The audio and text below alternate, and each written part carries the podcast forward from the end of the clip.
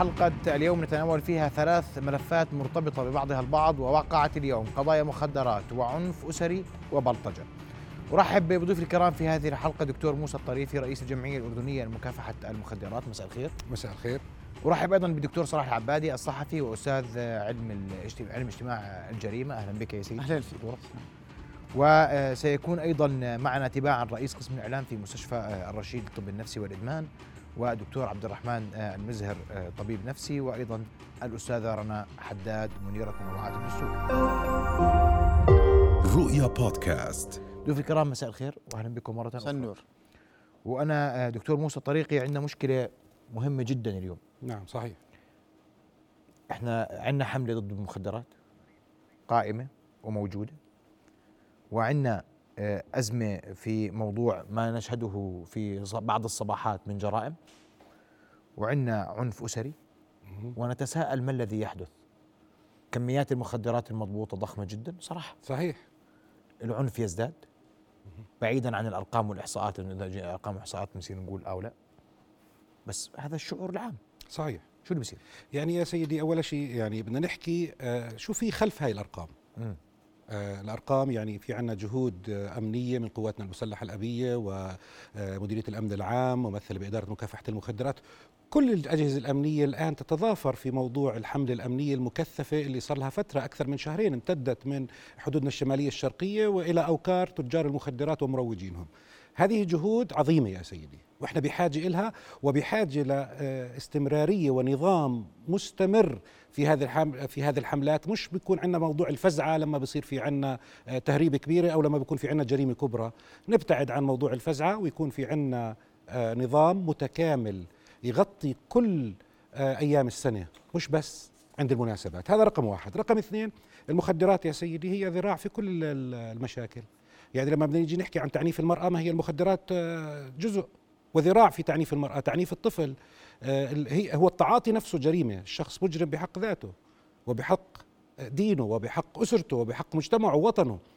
عندنا المشكلة لما تتطور والآن رح نحكي عن هذا الموضوع لسلوكيات جرمية أخرى. إذا المشكلة قائمة. وإذا إحنا بدنا نضلنا نحكي إنه عن المشكلة ونفسر المشكلة المشكلة موجودة وكل الناس تعرف إنه موجوده المشكلة. الآن إحنا يجب أن نبدأ في طور البحث عن حلول وحلول حقيقية. بس اسمح لي دكتور أقاطعك اليوم. تفضل. الكميات المضبوطة الجهود المبذولة نعم. الحملات الأمنية المختلفة صحيح. في سياقاتها. والجهود الموازية لمنظمات المجتمع المدني والتعليم والخطابه في, في المساجد مع كل هذه الكميات إحنا كنا نقول إحنا آه ممر مش مقر. هلا موضوع التسمية يعني هو موضوع جدلي. موضوع التسمية هو يأتي بأنه وجود الأردن في منطقة بمنتصف من دول الإنتاج ودول الاستهلاك اللي نسب استهلاكها عالية. فنبقى ممر مهما زادت حالات التعاطي داخل الأردن. قد زادت حالات التعاطي اليوم؟ إحنا عندنا بتقييمك. تيجي إحنا نحتاج إلى دراسة وطنية شاملة حتى أجيبك على هذا السؤال.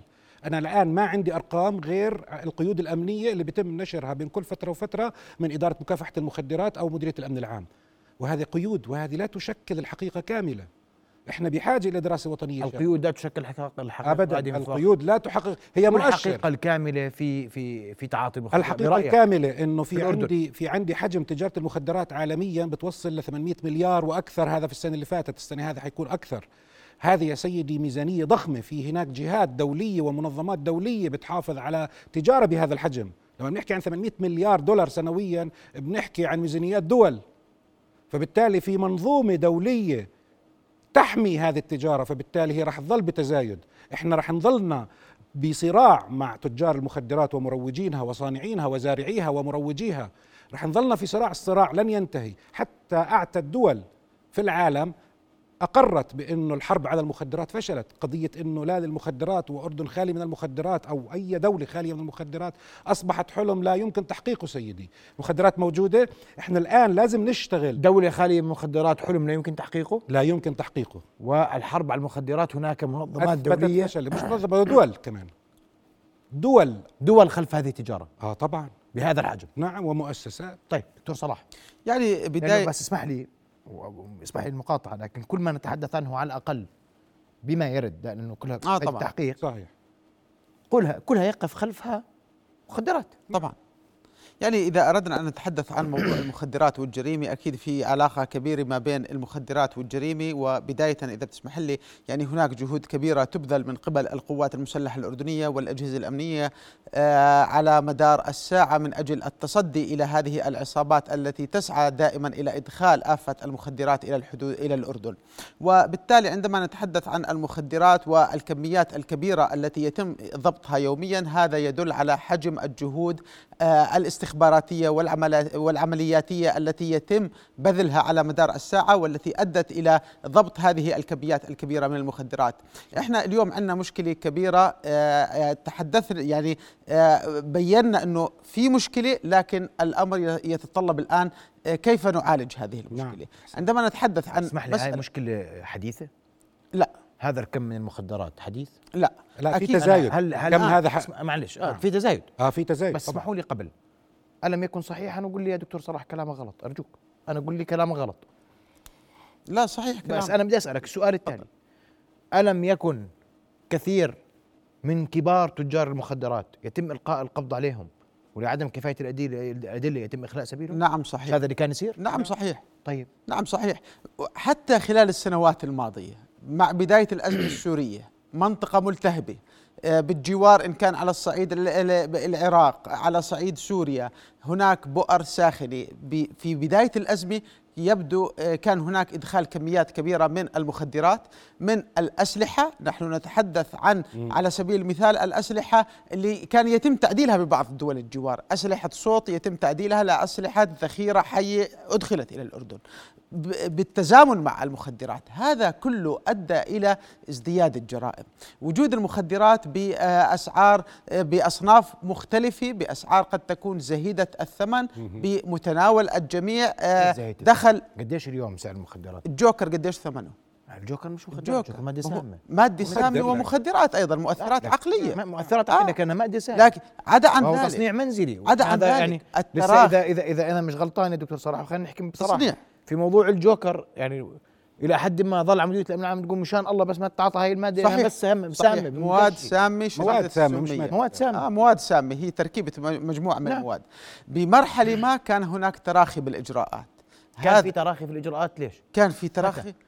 يعني برأيك يعني متى تقيم المرحلة اللي كنا فيها؟ يعني قبل خمس سنوات ست سنوات كان في تراخي. هذا م. أدخل كميات كبيرة من المخدرات. م. اليوم الجهود كبيرة جدا تبذل من قبل القوات المسلحة الأردنية. اليوم في أجهزة كاميرات أجهزة رد سريع.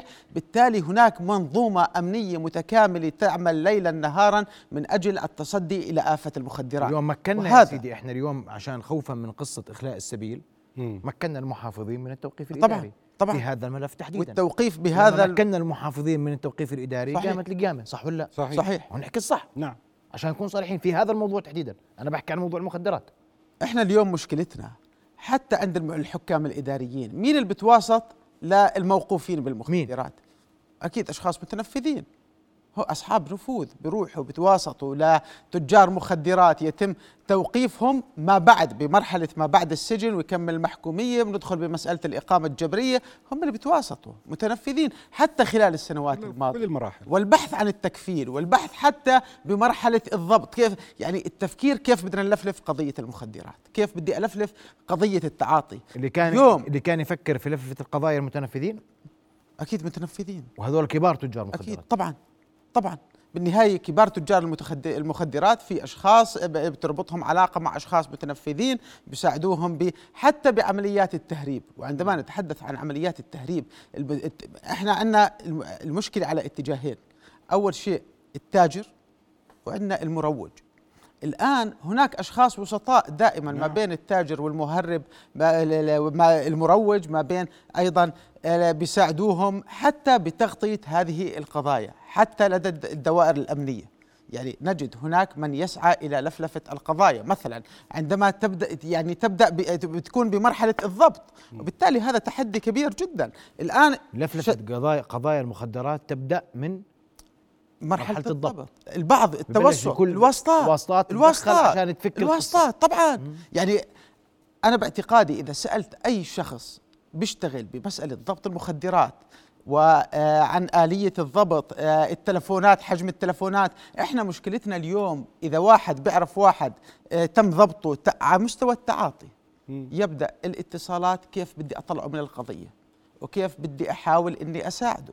ما بعرف أنه العقوبة قد تكون رادع له قد تكون. قد تكون رادع له حاجة للعقوبات آه، وبالتالي- موضوع العقوبة رادع عن عدمها على عندنا يجب إنه يكون عندنا منظومة متكاملة على صعيد عقوبات رادعة للمروجين، إحنا اليوم بنعتبر بنتراخى بالتعامل إلى حد ما مع المروج، رغم إنه المروج يجب أن تكون عقوبته كما هي عقوبة التاجر، لا يجوز نتعامل مع المروج بكفه ونتعامل مع التاجر بكفه لأنه المروج بكفي عشان متفقين. والمهرب بكفه بالتالي لا يجب تغليظ العقوبات يجب آه، أنا باعتقادي إذا أردنا أن نكافح المخدرات ما المانع أنه يكون فحص آه، ما قبل الزواج يكون جزء منه عليك. مخدرات. يا سلام. نفحصه.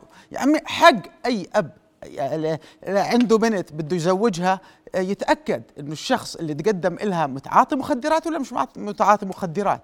جميل. وأنا باعتقادي إذا وصلنا لهاي المرحلة إيه، انت أنت تدعو اليوم لفحص. طبعا. ما قبل الزواج قبل أن الزواج. يكون شاملا له فحص شامل المخدرات حتى أنت تعرف وين رايح. 100% طيب. حق أي أب إنه يعرف اللي بتقدم لبنته من متعاطي ولا مش من متعاطي. آليات خفض الطلب على طبعاً. المواد المخدرة. إحنا بالجمعية الأردنية لمكافحة المخدرات. اسمح راح أسمع تعليقك في هذا الإطار بس تحديدا. علاقة بنفس الفرق راح اظني راح أظني معك في هذا الإطار. لكن قبل ذلك بدي أرحب برئيس قسم الاعلام في مستشفى الرشيد الطب النفسي والإدمان الأستاذ آه، أنس الطنطاوي. أستاذ أنس مساء الخير. مساء الخير لك أخي محمد ولكل المستمعين والمشاهدين الكرام وأنا باسم مستشفى الرشيد بشكركم في نبض البلد اسره البرنامج على اهتمامكم بتوعية أبناء المجتمع الأردني. أستاذ أنس لدينا من الأسئلة الكثير لكن فيما يخص المخدرات وإدمانها ونسب ال- ال- الانتشار اليوم مع هذه الحملات الأمنية المكثفة اليوم والحديث ال- الشعبي وفي بعض الأحيان الرسمي عن ارتباط كثير من الجرائم بالمخدرات. وجهة نظرك؟ سيدنا الكريم بالنسبة لل- للحملات الجهود واضحة من مديرية الأمن العام وتحديدا إدارة مكافحة المخدرات. يعني وتصعيد الجهود أيضا آه، واضح. يمكن الآن الحديث عن موضوع الجرائم حضرتك تفضلت فيه. الآن إذا بدنا نحكي بالعموم ما بدي أخص الجرائم اللي ارتكبت. ليه؟ لأنه الجرائم اللي ارتكبت على فكرة يمكن واللي بيشتغلوا بهذا المجال بضموا صوتهم لصوتي. كل جريمة تعامل على حدة. الآن آه، أحيانا بتجد إنه مثلا السوشيال ميديا بالعموم تطلق بتطلق إنه السبب مخدرات، ممكن يكون مخدرات ممكن يكون لا، أكيد عندنا مشكلات اجتماعية أخرى. اللي بدي أحكيه إنه التقرير المختبر الجنائي وال- وال- والفحص العينات هو من يثبت إنه السبب مخدرات أم لا، فبالتالي وهذا بيتم كله تحويله للقضاء، هذا بالنسبة للجرائم، قد تكون نعم وقد تكون لا بسبب. بدي أكرر هاي تحديدا واكد عليها. كل قضية تعامل على على حدة. إنما موضوع ارتباط ال- ال- التعاطي آه، بالجريمة هو مشكلته الارتباط من شقين.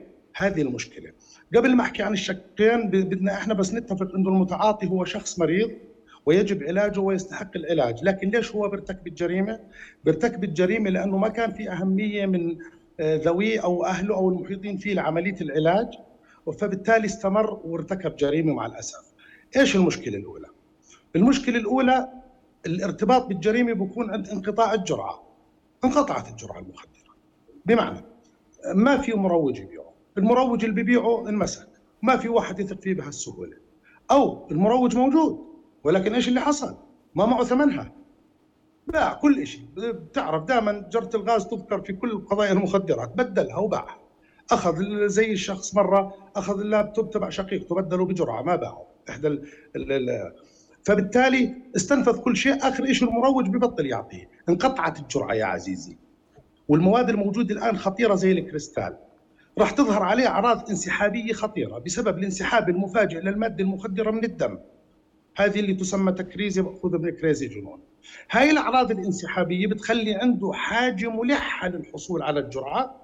هذه الحاجة الملحة بتكون نفسية وجسدية بسبب سيطرة المادة نفسيا وجسديا. هون هو راح يرتكب جريمة لأنه قاسية جدا الأعراض الانسحابية.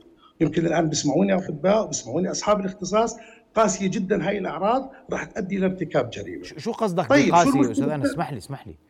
أنت ذكرت ماده أنت ذكرت أنت. ذكرت مادة الكريستال وهناك كثير نعم. من علامات الاستفهام حول هذه المادة وذكرت أنه الأعراض الانسحابية صعبة جدا وهنا حتى في محيطه ماذا يمكن أن يتعامل هؤلاء مع, مع مثل هذه الحالات تفضل طيب تسمح لي بس أنتقل للحالة الأخرى اللي اللي لها ارتباط وثيق بالجريمة، الحالة الأخرى وهو تحت تأثير الجرعة.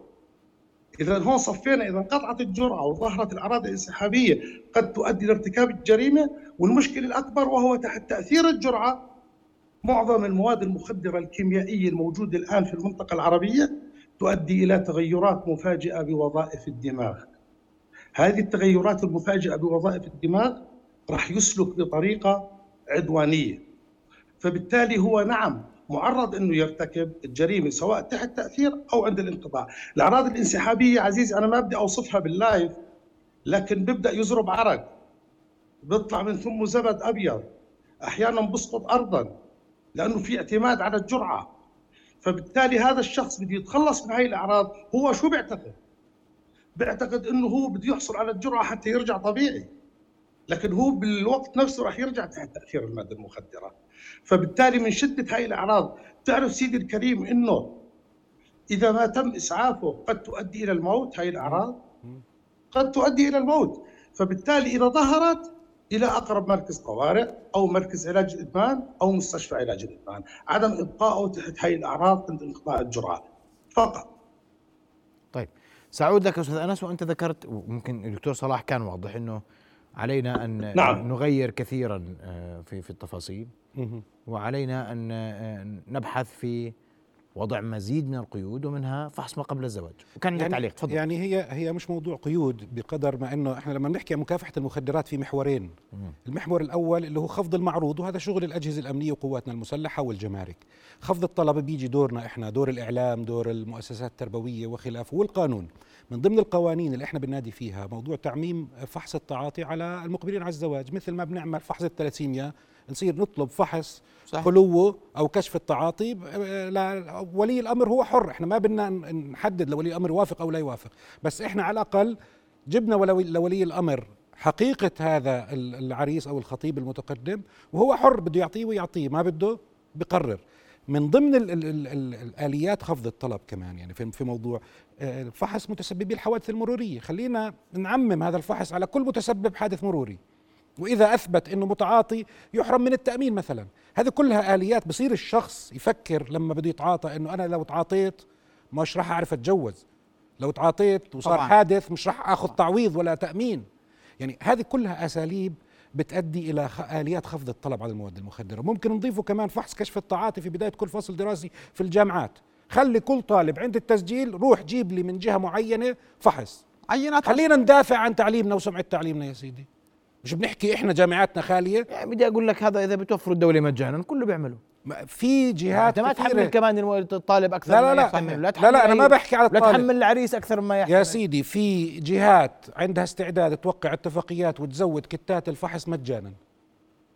إحنا في الجمعية الأردنية لمكافحة المخدرات وقعنا اتفاقيتين مع آه، شركتين من القطاع الخاص اللي تحملوا المسؤولية وقدموا الفح- الفحوص هذه مجانا. يعني بس بدنا قانون بدنا تشريع. والآن الملف القانوني عندنا في الجمعية الأردنية لمكافحة المخدرات في نهايته. والآن أنا يعني بدعو كافة آه، أصدقائي آه، النواب اللي موجودين في اللجنة القانونية وإن كان في النواب أو في الأعيان. إحنا رح نجتمع معهم قريبا إن شاء الله. واللي حابب يطلع على الملف القانوني يتواصل معنا في الجمعية الأردنية لمكافحة المخدرات. عندنا موضوع تعميم الفحص. عندي موضوع إلزامية العلاج يا سيدي. يا عزيزي إحنا عندنا مشكلة ومن ضمن الحلول مشكلة المخدرات الموجودة. الآن في عندي مدمنين موجودين في مجتمعنا بيننا في شوارعنا في أسواقنا. ليش ما يكون في عندي وأنا عندي قانون الصحة العامة موجود المادة آه، يعني آه، 47 القانون الصحة العامة رقم 47 عام 2008 في عندي الفصل الرابع اللي هو بخص الصحة النفسية والإدمان. بيحكي لك إنه يجب أن يتم علاج ال- المدمن إما بصورة اختيارية أو إجبارية. ومتى بيجبره؟ في حالة كان هو بيسبب أذى لنفسه أو للآخرين. والأذى مش ضروري يكون آه، ممكن يكون مادي أو معنوي. أنا القانون موجود عندي بس حتى أفعله لازم ينتقل عندي حسب الأصول إلى أصول المحاكمات الجزائية والى قانون العقوبات. هذا بحاجة إلى تطوير قوانيننا أو سن قوانين جديدة. إحنا مش بحاجة لقانون جديد. ال- ال- المادة 14 بالفصل الرابع بقانون الصحة النفسية بيحكي لنا عن إجبارية العلاج. ليش ما بنجبر الناس على العلاج؟ بس لأنه في عندنا قصور في هذا الموضوع. لازم بالتشريعات. اليوم ما بنجبر؟ ما بنجبر العلاج. نهائيا. ما في عنا إحنا حتى المسجون يا سيدي في سجن برين اللي إحنا نفتخر إنه صار في عنا مركز علاج في أحد سجوننا لازم يقدم طلب. لازم الشخص يقدم طلب عشان يتعالج. جنبرين اللي في سجن في برين إذا ما قدم طلب فيش شيء بيجبره يتعالج. إحنا بحاجة لقانون يا سيدي الزاميه العلاج من الضروري. بتقول لي اليوم. القانون موجود في قانون الصحة العامة. ممتاز. لكن أنت بتقول اليوم. اشترطوه خليك معي آه. اشترطوه بشروط. الشرط الأول لازم يتم تقديم طلب. الشرط الشروط كلها بسمعها منك بعد فصل آه طبعا. فاصل قصير ثم نواصل ابقى معنا.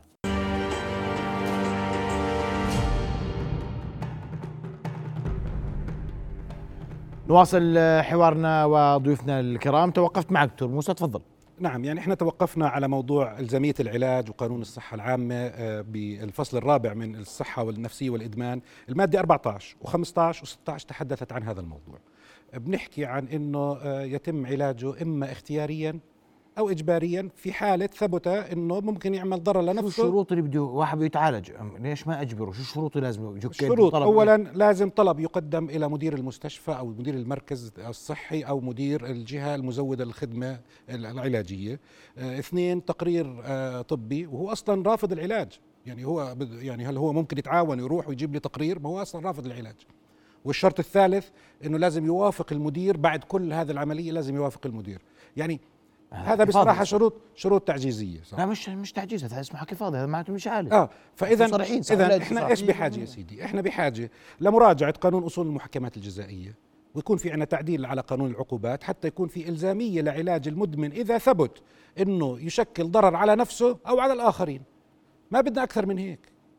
لكن قبل هيك لازم يكون في عندنا مراكز علاج إدمان قادرة إنها لازم تستوعب أستنى لا يوصل هي المرحله ولازم أعالجه قبل يا لازم أعالجه قبل طيب. هي الأصل في الموضوع ليش أنا أجبر أنا المفروض أجبر كل من يثبت أنه متعاطي مخدرات أن يمر في مراحل علاج هلا شوف إحنا بدناش نصطدم في موضوع جماعة قانون حقوق الإنسان وخلافه أي وحرية. العلاج أي حقوق الشخصية إنسان.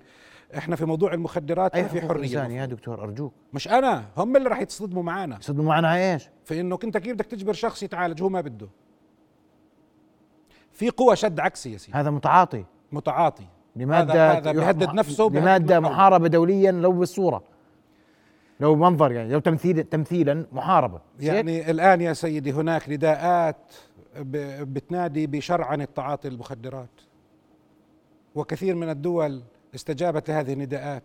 والآن تم تقنين كثير من أنواع المخدرات واستخدامها إما للعلاج الطبي حتى للاستخدامات الترفيهية ما يسمى بال recreational use بيستخدموها للاستخدام الترفيهي.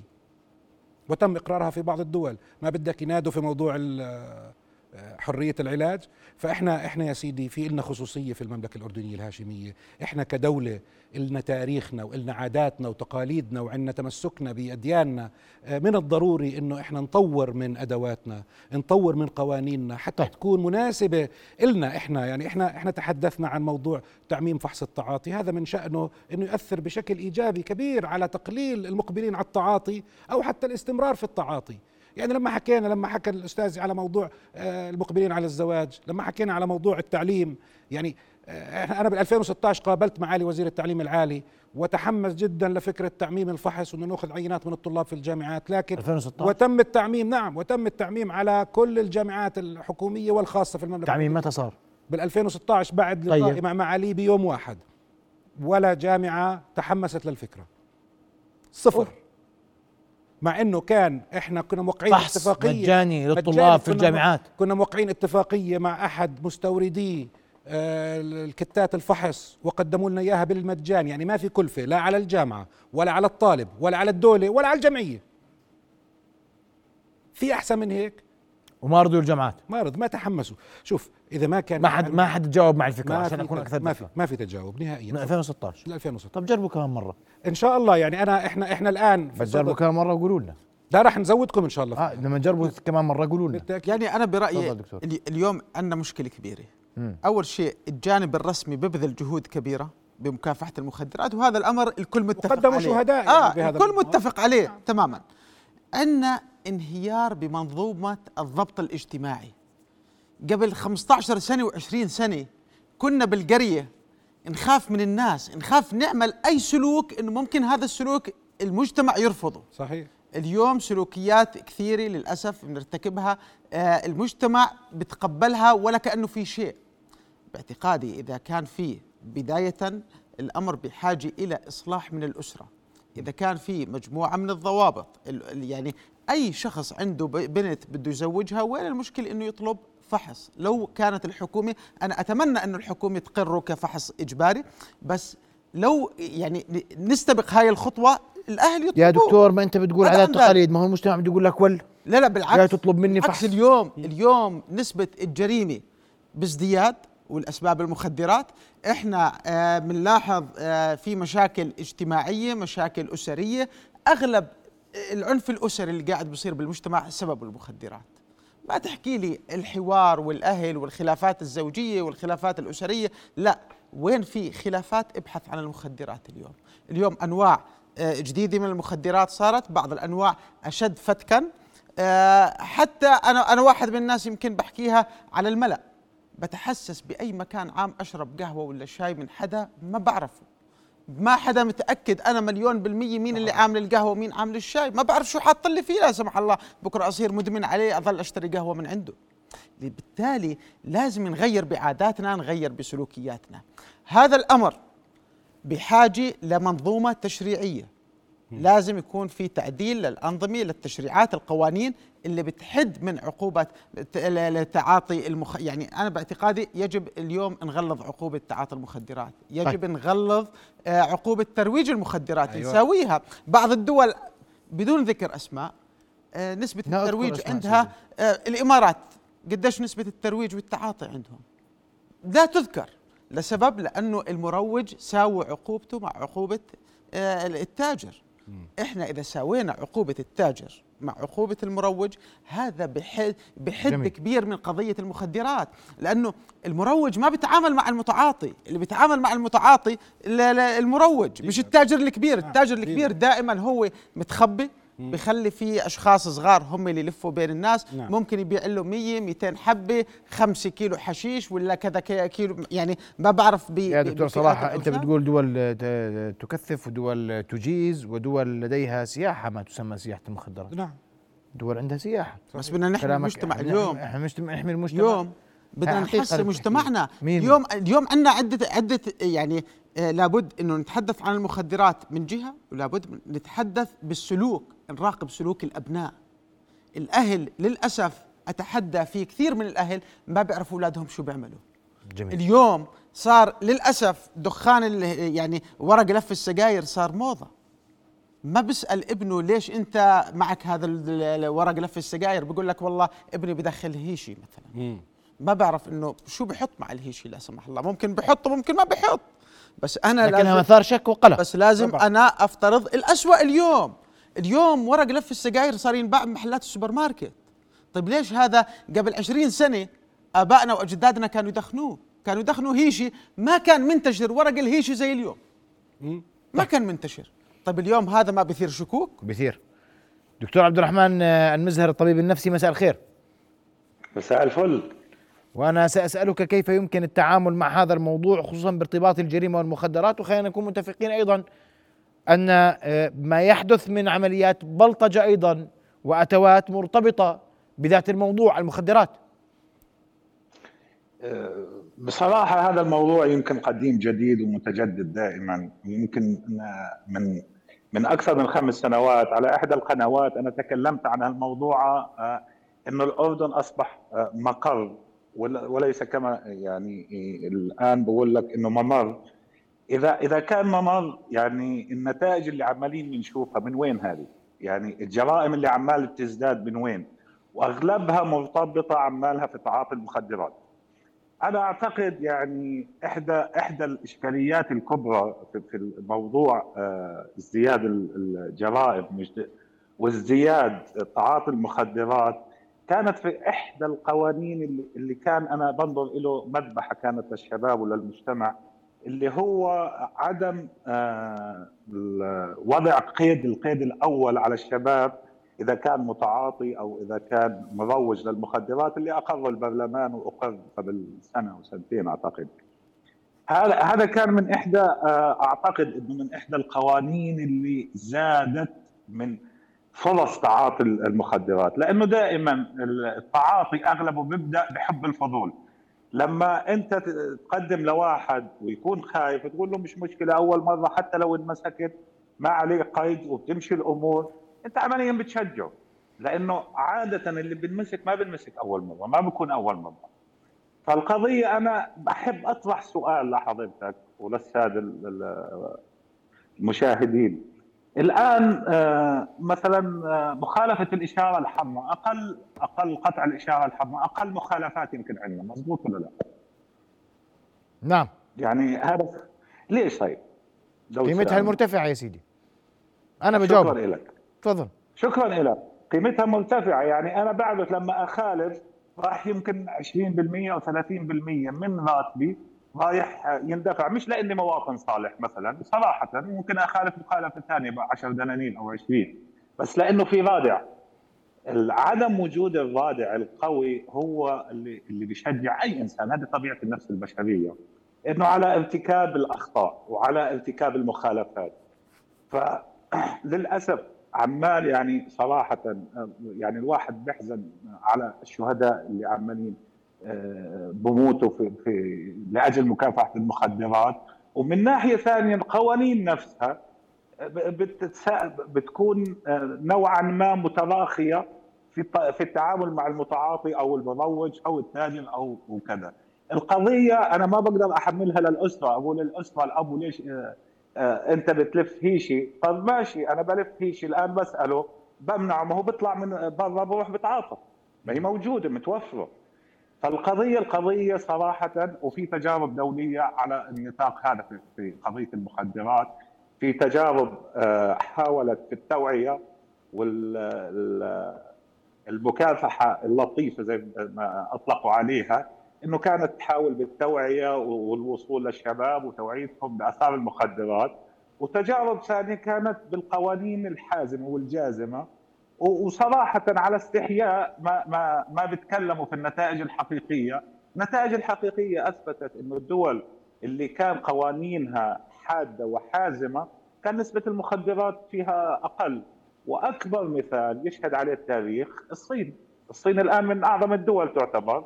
كانت من أكثر الدول آه، إدمانا ولكن شنوا حرب على التعاطي وعلى المخدرات وغلظوا القوانين. انتهت الآفة. أما آه، أحمل المسؤولية للمتعاطي فقط لا هي المسؤوليه مش على المتعاطي. أنا أعتقد المسؤولية بتحملها بعض القوانين وبتحملها يعني خليني أتكلمها يمكن يزعلوا مني كثير زملاء وبنتحملها إحنا الطب النفسي بنتحمل آه آه هذه المشكلة. ليش؟ لأنه نتعامل مع الإدمان إنه مرض. وهذا لما أتعامل مع المدمن إنه مريض أنا بعطيه مبرر تلقائي. نعم. فلما نعم. فلما أنا أعطيه مبرر تلقائي أنت مريض آه ولازم أعالجك ولازم كذا. لا أنا أنت مش مريض أنت إنسان آه، خرجت عن السلوك الطبيعي. أنا بساعدك في بعض الحالات. ولكن هذا هذا أنا ضد إنه يكون مرض وضد إنه نوسمه بوسمة المرض لتخفيف آثاره. شكرا. ولكن نعم.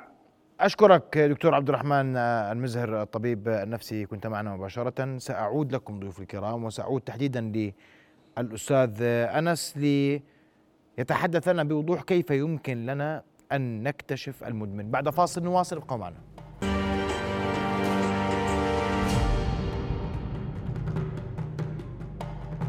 نواصل حوارنا وضيوفنا الكرام. أتوقف مع الأستاذ أنس الطنطاوي مرة أخرى.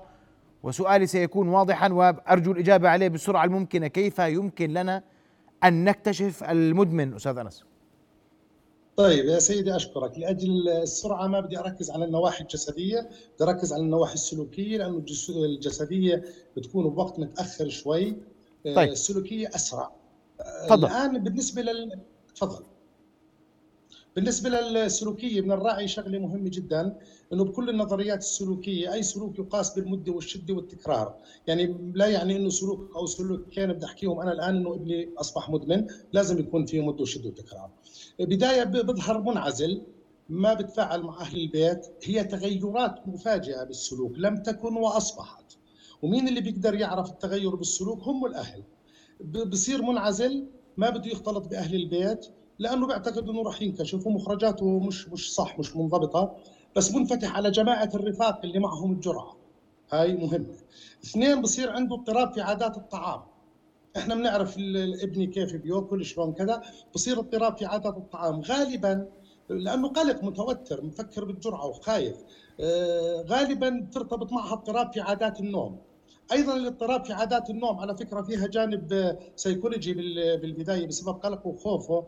لكن بعدين بتصير أيضا ترتبط في موضوع الجرعة. مثلا مواد مهبطه بديش أذكر شو هي لأنه مشان ال- ال- ال- السلوكات فقط. مواد مهبطه بتلاقيه خدران ونايم كثير. مواد امفيتامين مثلا محفزة زي الكريستال والكبتاجون وحبوب الكبد بتلاقيه صاحي على طول. بس طبعا مش واعي. يعني عقله عقله نايم. هو بيعتقد إنه صاحي فبتلاقي مواد مهلوسة بتلاقي الاضطرابات أكثر وأكثر زي زي الجوكر.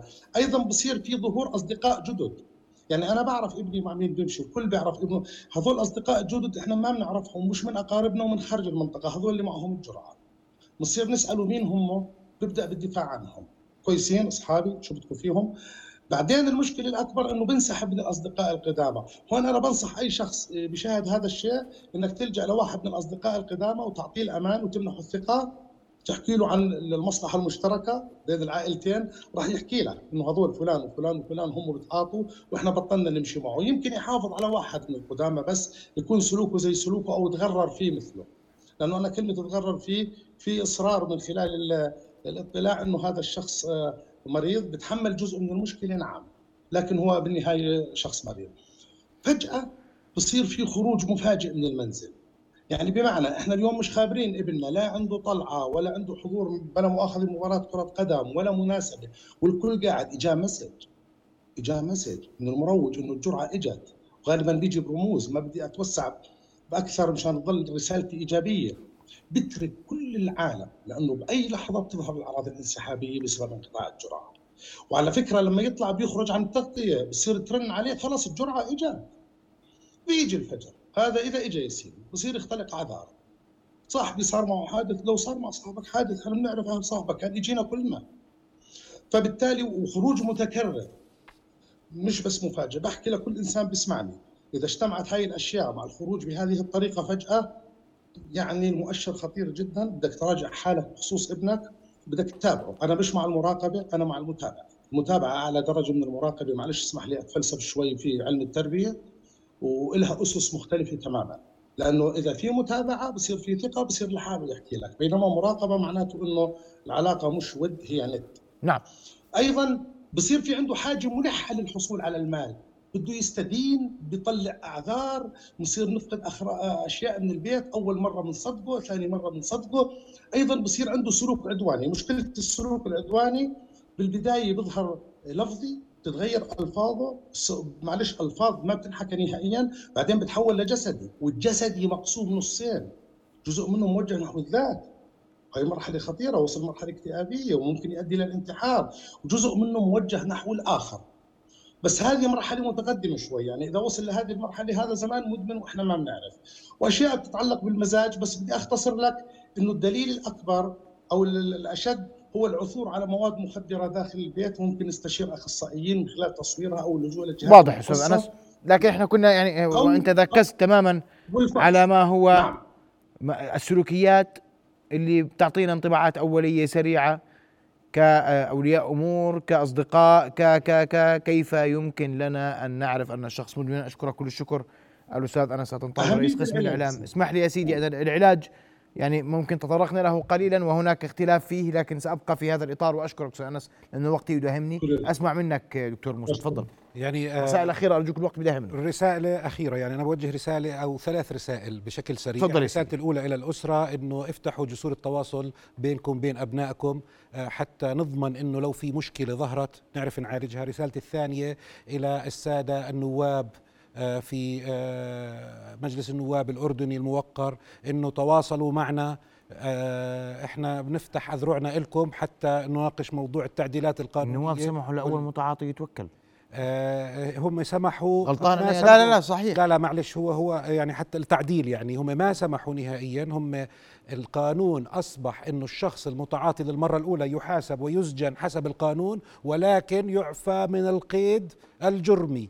وهذا كان هدفه حتى طيب. نضمن إعادة دمجه في المجتمع مرة أخرى هذول هم الثلاث الثالثة إلى الإنفلونسرز والمؤثرين آه. آه. اللي الآن منتشرين وإلهم فعلا متابعين نحترمهم ونحترم متابعينهم خلينا ننقي محتواكم أو نضيف لمحتواكم رسالة سامية في مكافحة المخدرات بين كل فترة وفترة وإحنا الآن فاتحين إيدينا إلهم وللإعلام حتى يكون في رسائل دائمة نبعد عن الفعز عن يا. دكتور كمان هذول المؤثرين بتحكي عنهم لما يكون في واحد بي- بيظهر بمظهر آه، آه، هو بدل ما يكونوا سلبيين نحولهم لشيء إيجابي كمان في في أمور في هذا الموضوع غير مقبولة مش اكون معك صريح. إذا أستاذ آه، رنا حداد آه، مديرة المنوعات في صحيفة الدستور مساء الخير.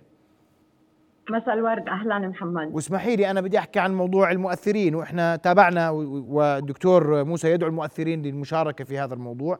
لكن من يسمى أو من من يطلق على آه، نفسه مؤثر أو من يطلقون على أنفسهم اسم مؤثرين تعاملوا في بعض الأحيان مع مع هذه المواد بشكل غير مباشر أو بطريقة غير مباشرة. وكان ضارها سلبي. تعليقك إن سمحتي. طيب آه، محمد يعني الطرح هذا آه، جميل إنه نت- نترك مساحة للمؤثرين لكن يا محمد إحنا من خلال آه، شغلنا مع عالم ال- ال- الموسيقى والفن والدراما وحتى المؤثرين وما يحدث في الفضاء ال- عموما في شغلات عم نغفل عنها جميعا يا محمد من ضمنها الموسيقى ألعاب الفيديو آه، والمؤثرين طبعا هم بيشتغلوا بهذا الإشي وبيروجوا له بيروجوا للموسيقى بيروجوا للفن بيروجوا للأفلام بيروجوا لألعاب الفيديو. آه، يا جماعة أنا بحكي عنا عنا في قضايا مغفول عنها ومش مطروحة حتى اعلاميا. لما نحكي يا محمد إنه أغلب الإنفلونسرز اللي عنا بيروحوا لحفلات فنانين وبيكتبوا عن فنانين وعن مشاهير. هل تعلم إنه في سنوات سابقة السنة والعام أنا ما قدرت أحصل معلومات لكن 42% من الأغاني الشائعة اللي هالمؤثرين وهالشباب اللي عم بيبثوها بمحتوياتهم. هاي بتحتوي إشارات آه، فيها فيها إشارات لتعاطي التبغ والكحول والمخدرات حتى حتى ألعاب الفيديو. إحنا بنشوف كثير مؤثرين عم بيروجوا لألعاب فيديو. هاي ألعاب الفيديو يا محمد اللي إحنا اولادنا وشبابنا عم بيلعبوها.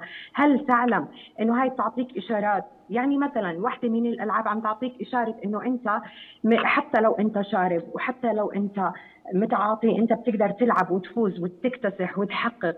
وحتى أحكي لك يا محمد أنا قبل فترة قرأت آه، تحذير غربي للأسف وليس عربي إنه في انتصار لشخصيات بهاي الألعاب وهي تدخن الماريجونا كمان. هذا الإشي عم بتسلل بيناتنا وإحنا في غفلة منه. الدراما الأفلام الشهيرة كلها هاي ما عم تخضع لرقابة. ما بدي أتهم فقط المؤثرين إنهم عم بيروجوا لهاي الأفلام والموسيقى والألعاب.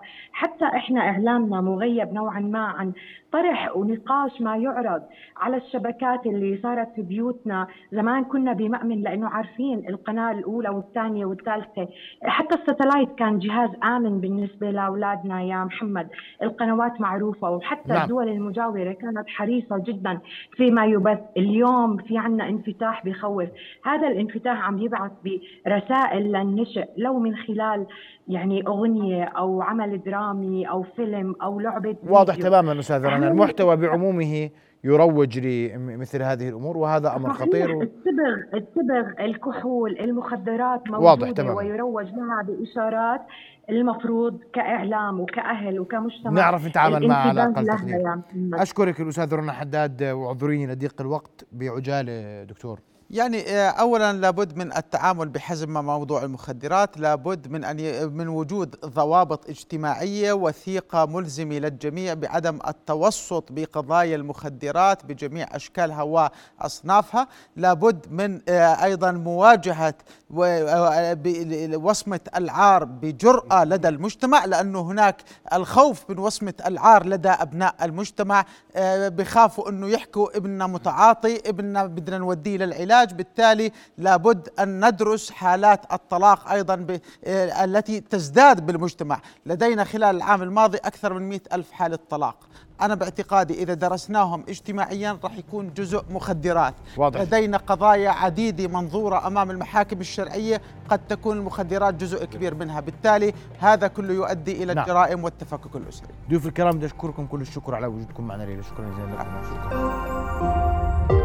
رؤيا بودكاست.